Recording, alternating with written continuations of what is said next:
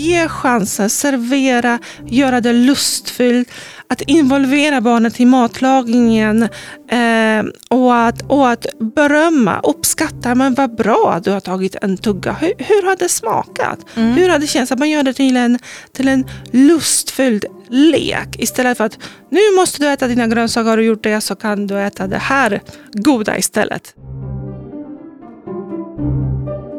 Övervikt hos barn blir allt vanligare. Vad kan man göra som förälder för att hjälpa sitt barn till en mer hälsosam vikt? Det är enklare att börja tidigt med små förändringar än att göra insatser i tonåren, visar forskningen. Du lyssnar på Forskarpodden vid Uppsala universitet och det här avsnittet produceras av mig, Annika Hult. Hej, jag heter Paulina Nowicka och är eh, professor i kostvetenskap, särskilt dietetikens kommunikation eh, vid institutionen för kostvetenskap här på Uppsala universitet. Du har skrivit en bok som heter Hälsovikt för ditt barn. Eh, hur kom det sig att du skrev den här boken? Jag har länge tänkt på att vi forskare skriver många vetenskapliga artiklar som ganska få läsare och ännu färre förstår. Och samtidigt så handlar mitt eh, forskningsområde om en, eh, om en fråga om, som, som berör många, där många har tankar och funderingar. Och föräldrar vänder sig till mig och frågar mig hur, hur ser du på det här? Vad tänker du kring det här? Så, så jag tänkte nu är det dags att avsätta tid för att göra det. Mm. Och vilka är de vanligaste frågorna du får från föräldrar? Eh, jag brukar få mejl som börjar med så här. Min flicka eller min pojke väger så här och så här mycket. Och um, har ont i knäna och är lätt trött och jag har vänt mig till eh, vårdcentralen och de vet inte vad de ska göra eller att de säger att de har ingen hjälp utan, utan, eh, utan det, finns, det finns inget jag kan göra förutom att eh, tänka på att han, äter mer, att han ska äta mer grönsaker. Och det gör han redan, så vad gör jag nu då? Mm. De har kört fast lite grann eller? De får ingen stöd. Nej. För jag tror inte att de har kört fast. Jag tror inte mitt antagande är inte så att många föräldrar gör något fel, utan man måste tänka på ett annat sätt om man har eh, ett barn som väger mer än andra barn, som har en vikt som, som, som kan orsaka framtida hälsorisker. Mm. Vad ger du för svar till de här eh, föräldrarna då, när de säger så? Eh, jag brukar mejla tillbaka. Här är inget, det här är ingen uppmaning att man ska mejla till mig, utan här, nu finns det en bok. Ja, eh, mitt bok är svaret till föräldrarna. Men det är jättebra att de uppmärksammar det här tidigt. Eh, det finns olika sätt eh, att hjälpa sitt barn. Man ska hitta det som, eh, som funkar bäst för ens familj. Och sen höra lite var de finns någonstans. Det finns lite lokala förutsättningar för att få hjälp inom vården. Och här måste jag också säga att nu har eh, situationen förändrats. Så att nu för första gången har Socialstyrelsen kommit med eh, riktlinjer om vård vid obesitas, vilket mm. gör att jag tror, det är min förhoppning att vård ska bli bättre över hela landet. Eh, för att Socialstyrelsens riktlinjer handlar om att, om att utveckla och skapa jämlik vård i Sverige.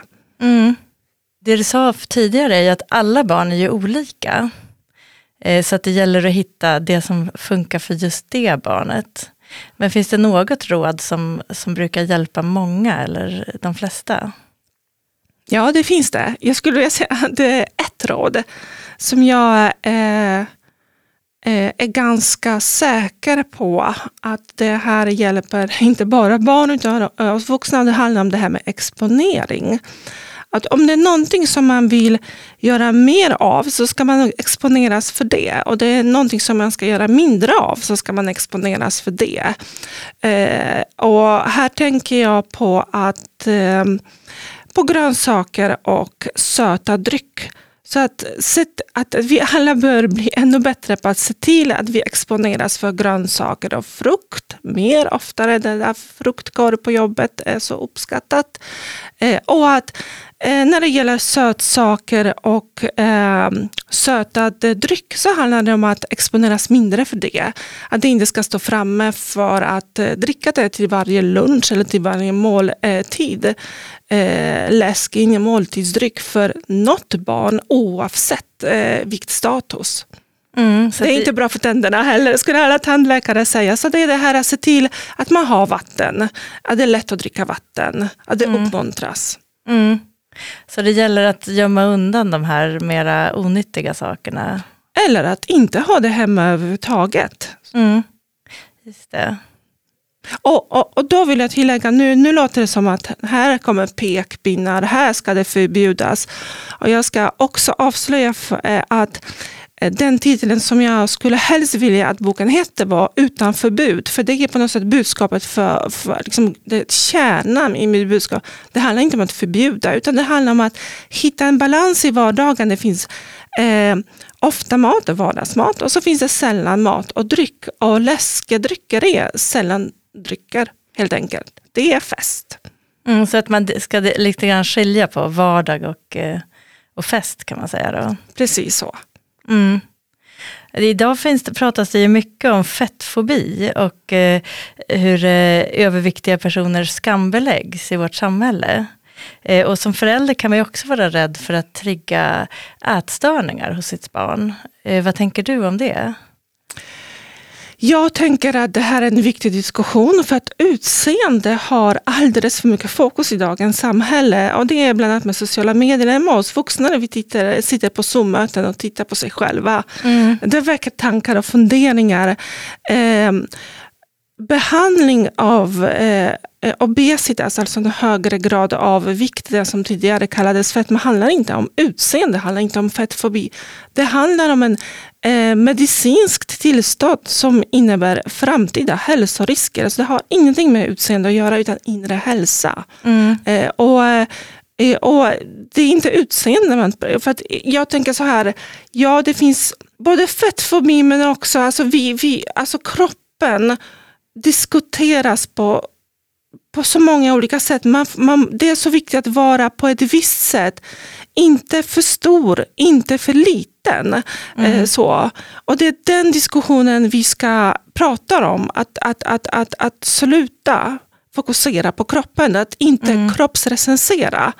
Eh, och det är något som kroppspositivister och aktivister är verkligen bra på att påpeka.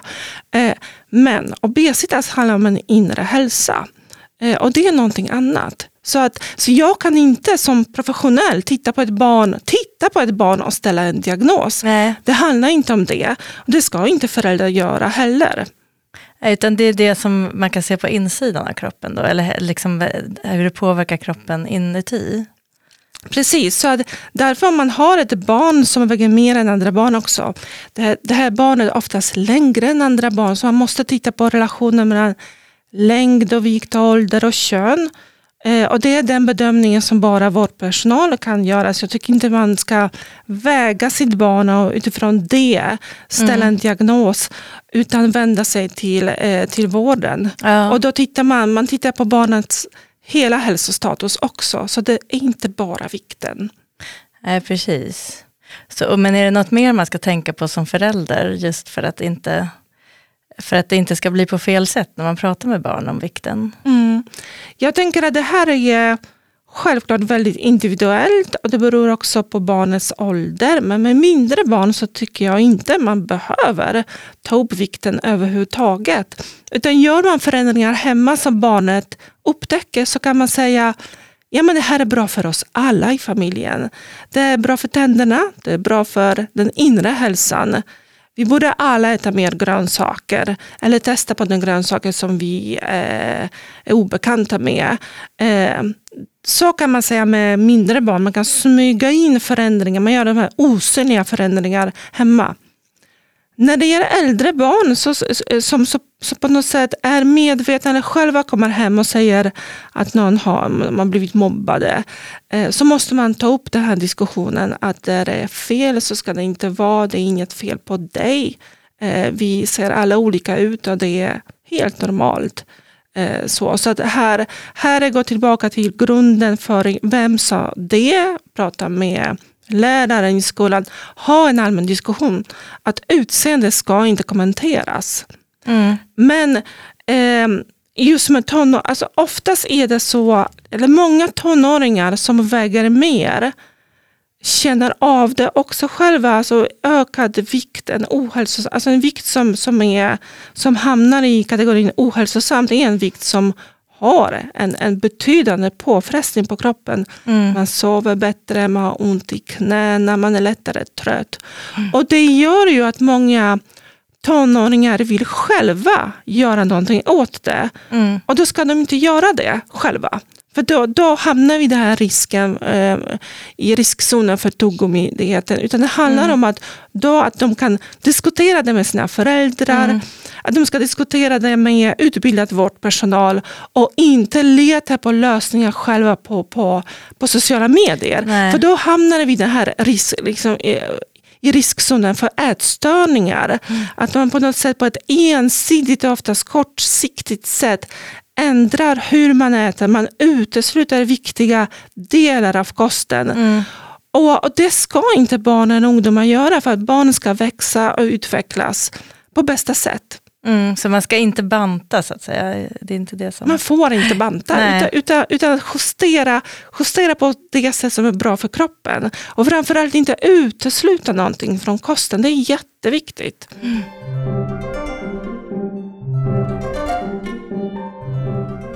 Det här med övervikt hos barn är ju ett stort problem idag. Eh, hur många barn är det i Sverige som utvecklar övervikt?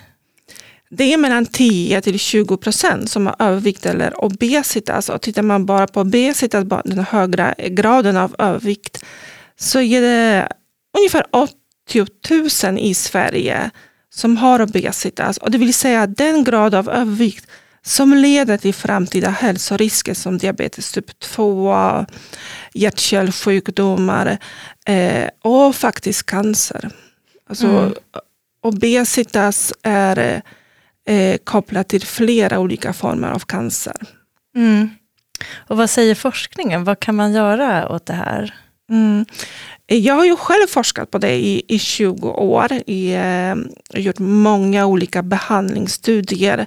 Och som behandlare så vet jag att vi kan göra någonting. Det är fullt rimligt. Men det är enklare om man börjar tidigt. För att börjar man tidigt, börjar man redan i, när barn går, eh, är i förskoleåldern, så handlar det som föräldrar att göra de här små osynliga förändringar. Köpa ett annat typ av bröd, ändra dryck försöker se till att barn rör sig varje dag.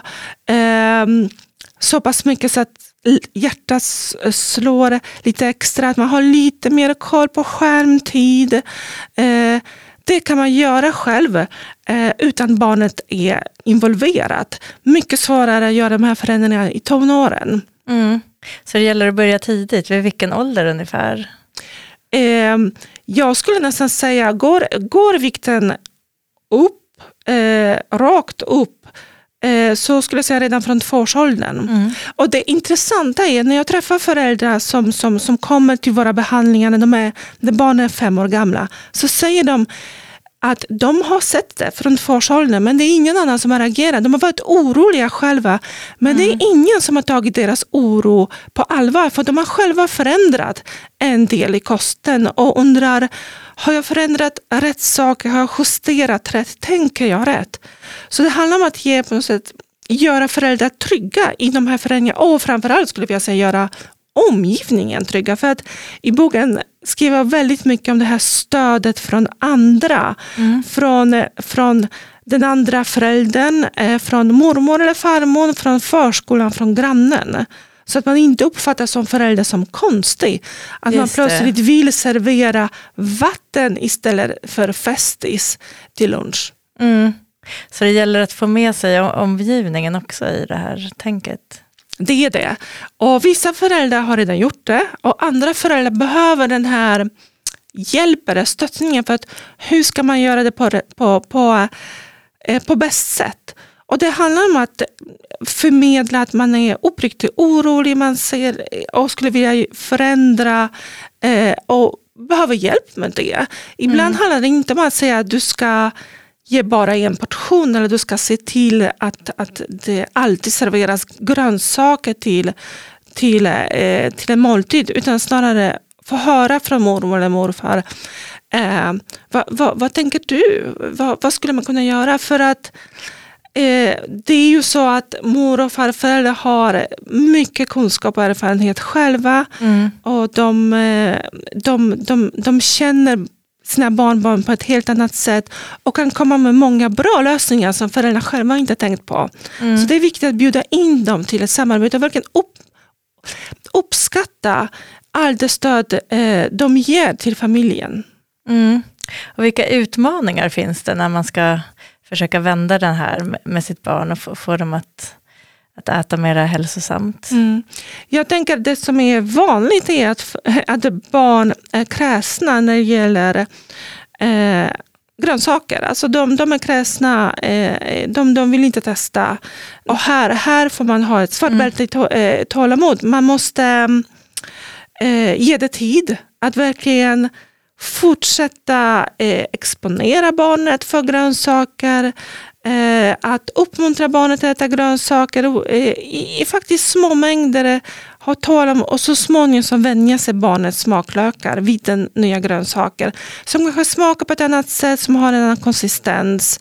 Så det, det gäller att ge tid och det handlar inte om sju, åtta, tio gånger utan har, är barnet extra kräset så handlar det kanske om 30 gånger. Ja. Så man får liksom ja, fortsätta. Liksom verkligen tro att det här går att förändra. Mm. Och Jag har också träffat många föräldrar som pratar om mirakel som har hänt. Mm. Mitt barn som aldrig åt grönsaker, bara åt den här gurkan och äter just nu det här och det här och det här och det här. Mm. Så då gäller det att servera det här men, men att inte tvinga på det på barnet liksom, utan att inte ge tvinga, chansen. Ge chansen, servera, göra det lustfyllt, att involvera barnet i matlagningen eh, och, att, och att berömma, uppskatta, men vad bra du har tagit en tugga. Hur, hur har det smakat? Mm. Hur har det känts? Att man gör det till en, till en lustfylld lek istället för att nu måste du äta dina grönsaker, har du gjort det så kan du äta det här goda istället. Då blir det glass. Mm. Eh, så, efter maten. Så det gäller att ha tålamod som sagt. Ja, och, det här är, och tänk att det här är vanligt. De, de flesta barn har svårt att äta grönsaker. Men har, eh, väger mitt barn mer än andra barn så handlar det om att vara extra noga med att se till att barnet lär sig äta grönsaker. Är det många föräldrar som känner skuld för att deras barn väger för mycket tror du? Jag skulle vilja säga att de allra flesta gör det. Mm. Och skulden kan börja ganska tidigt. Det kanske kan börja med amningen. Amning är inte så lätt så man tänker att man ska ändå fortsätta amma för det är bra för barnet. Eh, och man kanske inte får den här stöttningen från vården. Eh, även om, även om jag skulle vilja säga att barnhälsovården har blivit så mycket bättre på det. Mm. Men, och, man, och, och, Det kan också vara så att man själv som förälder kämpade med sin egen vikt i barndomen eh, och ungdomen och, och har många tankar och funderingar. Vad har jag gjort för fel? Det, det är verkligen så. Jag får mejl som bara med. Vad har jag gjort för fel? Jag serverar samma typ av mat som, som, som till andra barn, syskon och det här barnet väger mer än andra barn. Och vad är det som är fel på mig eller på mitt barn? Och det är ju så att övervikt och obesitas är genetisk. Så att ja. man, har, man, man föds med en annan känslighet för att gå upp i vikt. Ja. Så då kan det vara så att om man själv har haft problem med vikten, att, att även ett barn, ens barn har det. Mm. Mm. Och eh, det här eh, att det blir ett känsligt område för föräldrarna försvårar det också eh, när man ska jobba med det så att säga, i familjen.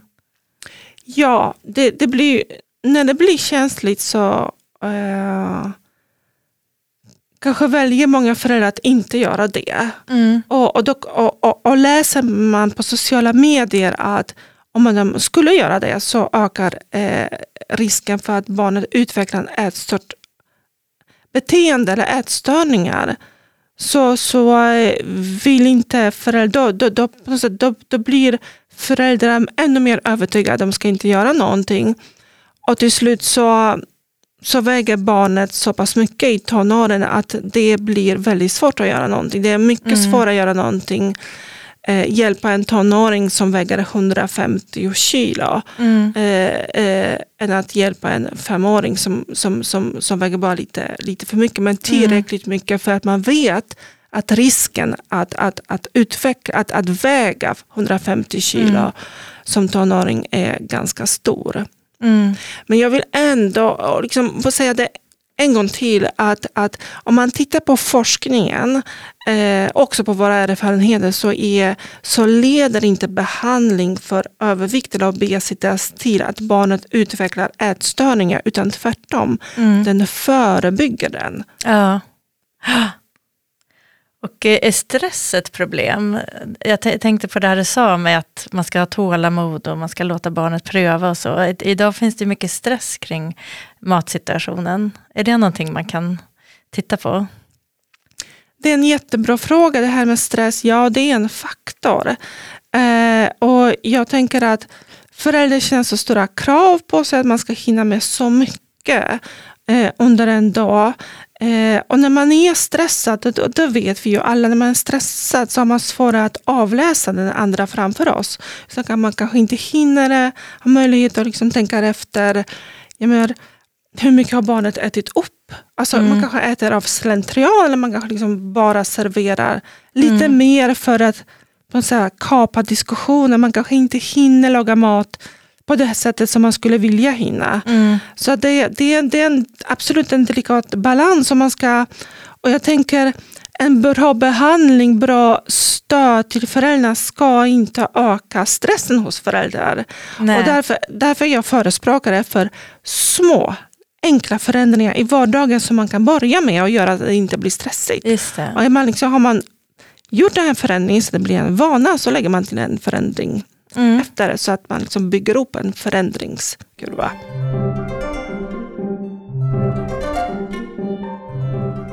Och du har forskat länge om det här, i 20 år mm. sa du. Hur kom du in på det här forskningsområdet?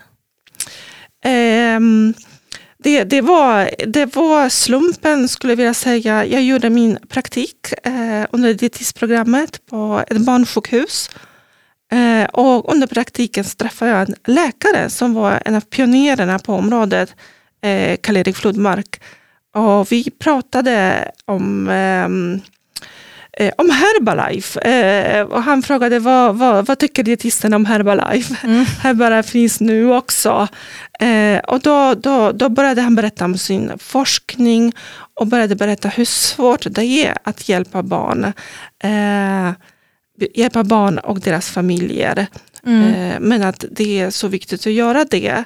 Eh, och Karl-Erik Flodman var väldigt intresserad av familjeterapi. Han var själv familjeterapeut, vilket gjorde att Eh, min forskning har alltid inkluderat ehm, eh, verktyg och sättet att tänka från familjeterapi. Jag har utbildat mig själv som familjeterapeut. Mm. Så att just det här, hur ska man få hela familjen att mm. jobba mot samma mål? Hur ska man förbättra kommunikationen och samarbetet inom familjen? Så det handlar inte om barnet utan det handlar om samarbetet inom familjen. Och det är familjen som system som, som, som, som är så viktig. Och, eh, och, och jag tänker det här att som vårdpersonal så kan man um, man, man, träffas oftast en, en, en, bara en liten del av familjesystemet. Ja. Bara oftast mamman som ja. kommer är bekymrad. Och då, och då är det en viktig utmaning för oss liksom att fundera, men hur kan de andra hjälpa till? De som inte är i rummet just med mig. Just vad kan det. pappa göra? Vad kan mormor göra?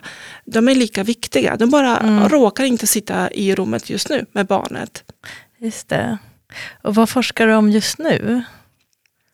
jag fortsätter forska. Jag är en sån här som forskar hela tiden på samma sak och försöker göra det bara bättre och Mm. bättre och bättre och bättre.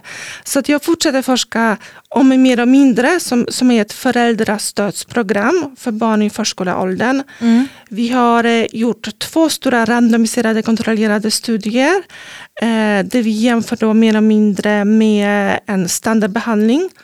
Den andra randomiserade kontrollerade studien gjorde vi inom ramen av ett EU-projekt Mm. eh, i tre olika länder, i Rumänien, Sverige och Spanien. Eh, och nu funderar vi hur ska man, eh, hur ska man eh, utveckla mer och mindre så att den även ehm, eh, innehåller verktyg för lite äldre barn, så inte i förskoleåldern utan lite äldre barn och även de med barn som har andra utmaningar som ADHD. Jaha, just det, för då blir det ett speciellt eh, problem, eller? Ja, och vi har också sett när vi har följt upp barnen i mer och mindre, och det är det barn som, som, som börjar hos oss när de är fyra år gamla, och de har en högre risk att utveckla ADHD. Mm. Eh, och då får man ta med det, alltså man funderar hur ska vi på vilket sätt ska vi hjälpa föräldrar bättre? För vi vet då att ADHD ökar ytterligare stressen hos föräldrarna. Mm. Det. Samtidigt är mer eller mindre ett väldigt strukturerat föräldrastödsprogram.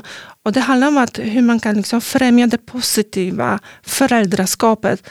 Så jag tror väldigt mycket att, att, att, att det här programmet också skulle kunna hjälpa barn med ADHD. Så det, skulle vi, det, det vill vi titta mer på. Mm. Har man sett i forskningen att det fungerar, det här programmet?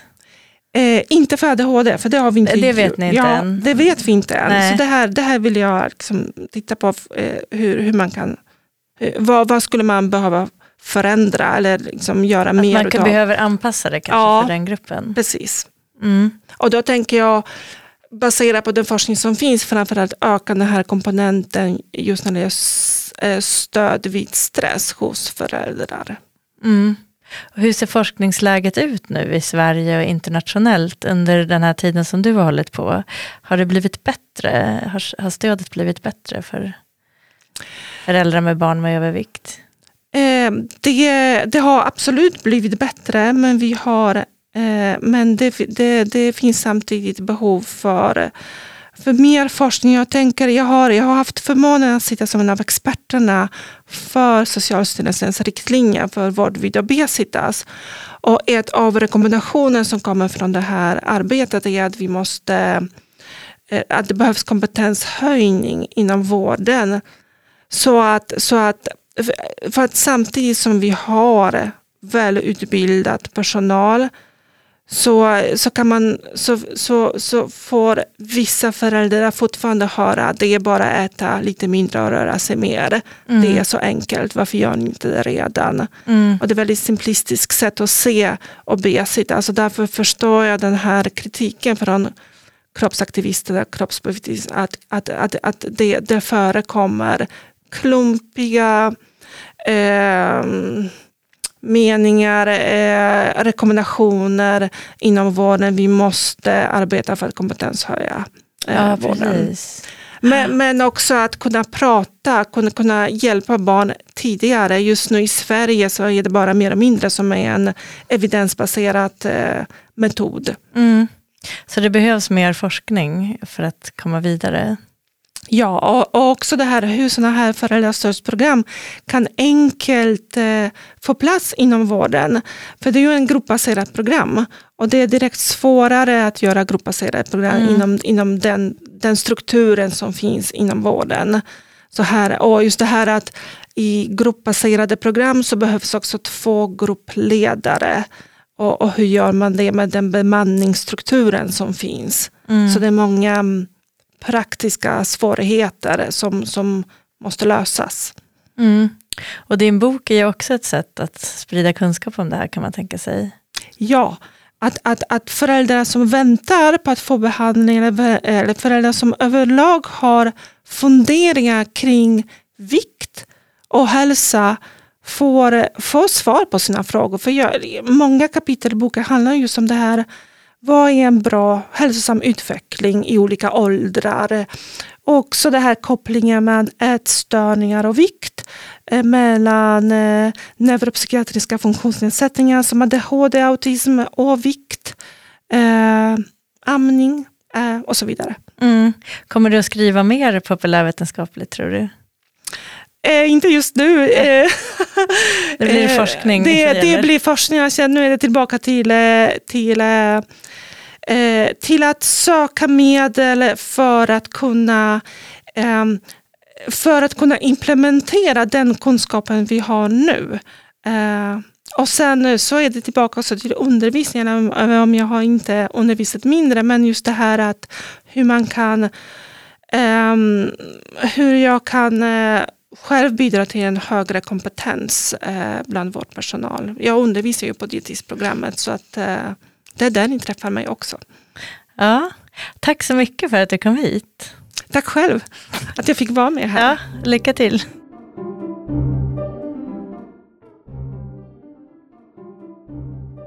Du har lyssnat på Forskarpodden med forskaren Paulina Novicka. Följ oss på Podbean, iTunes, Spotify eller andra poddläsare. Kontakta oss gärna i sociala medier på hashtag forskarpodden eller på universitetets webbsida uu.se forskarpodden. Jag heter Annika Hult och Forskarpodden produceras av Uppsala universitet med musik av Marcus Sjöblom.